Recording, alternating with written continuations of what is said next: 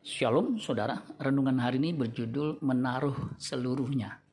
Matius 13 ayat 14. Hal kerajaan sorga itu seumpama harta yang terpendam di ladang, yang ditemukan orang, lalu dipendamnya, dipendamkannya lagi.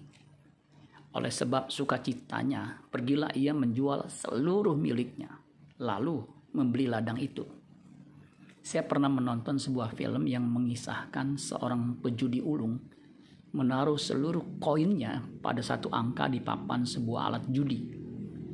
Mengapa pejudi itu menaruh seluruh koin miliknya pada satu angka tertentu itu?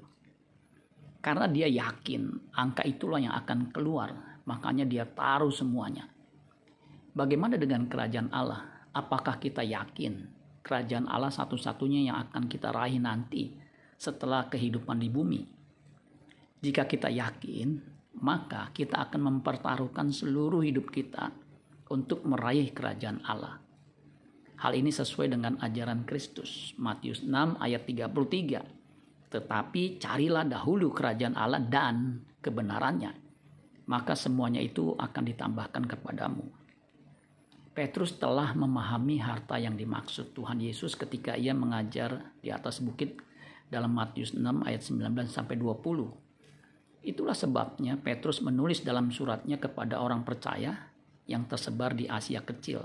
1 Petrus 1 ayat 3 sampai 4. Terpujilah Allah dan Bapa Tuhan kita Yesus Kristus yang karena rahmatnya yang besar telah melahirkan kita kembali oleh kebangkitan Yesus Kristus dari antara orang mati kepada suatu hidup yang penuh pengharapan untuk menerima suatu bagian yang tidak dapat binasa yang tidak dapat cemar dan yang tidak dapat layu yang tersimpan di sorga bagi kamu. Para murid Kristus meninggalkan jala dan perahu mereka lalu mengikut Yesus. Demikian juga dengan Paulus, ia melepaskan semuanya demi keyakinannya kepada kerajaan Allah itu. Filipi 3 ayat 8, malahan segala sesuatu kuanggap rugi, karena pengenalan akan Kristus Yesus Tuhanku lebih mulia daripada semuanya. Oleh karena dialah aku telah melepaskan semuanya melepaskan semuanya itu dan menganggapnya sampah supaya aku memperoleh Kristus.